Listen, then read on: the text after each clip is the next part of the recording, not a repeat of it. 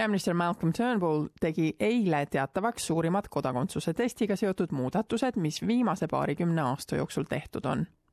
immigrandid, kes loodavad Austraaliat oma uueks koduks kutsuda, peavad läbima inglise keele testi ning muuhulgas kontrollitakse nende kultuurilisi väärtusi ning seda, kuidas nad naiste kohtlemisse suhtuvad Turnbulli valitsus keerab immigratsiooni kruvisid kõvemini kinni.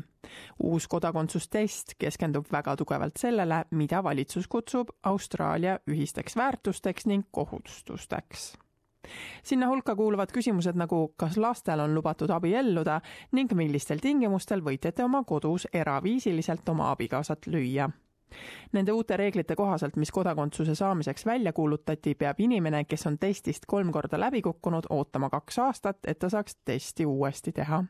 peaminister Malcolm Turnbull rõhutas neid väärtusi, mida tema kutsub Austraalia väärtusteks. This is about strengthening the Australian values which are at the heart of citizenship, of being an Australian citizen. Australian citizenship should be honoured, cherished It is a privilege. And when people apply to be Australian citizens, they honour us, of course, because they're offering to join our Australian family. But equally, it's important that they understand that they are making a commitment to our Australian values. alalise elamisloaga inimesed peavad samuti kauem ootama. praeguste reeglite kohaselt peab kodakondsustesti tegemiseks ootama ühe aasta peale alalise elamisloa saamist nüüdsest on see ooteaeg aga kuni neli aastat pikk selle põhjuseks on, et nõnda saavad alalised elanikud tõestada, et nad on Austraalia ühiskonda integreerunud ning sellesse panustanud, kas siis töötades, kogukonnagruppidesse kuuludes või oma lapsi kooli saates. immigratsiooniminister Peter Dutton selgitab siin inglise keele testi nõudeid. There's a significant change in relation to the English language requirement, which at the moment uh, is basic. Uh, we increase that uh, to IELTS level 6 equivalent. Uh, so that uh, is at a competent English uh, language proficiency level, and I think uh, there would be wide support for that as well. praegu kehtiv kodakondsuse test koosneb kahekümnest valikvastusest ning testist läbisaamiseks on tulemuseks vaja seitsekümmend viis protsenti.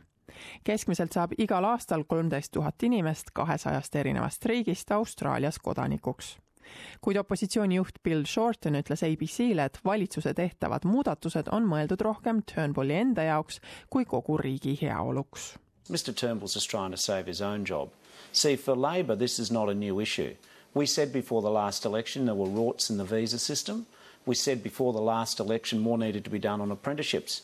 Now, we've seen nothing done on those matters since the last election. The only thing which Malcolm Turnbull's worried about is keeping his unhappy backbench from rolling him. It's a very divided government.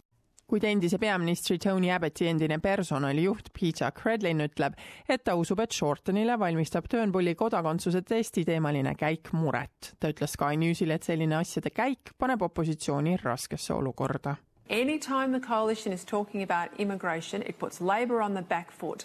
It makes Bill Shorten question his own loyal supporters because many of the left in his caucus, as you know, are not strong on this issue. And it makes Labor play defensive as opposed to offensive, which they've played for most of the year.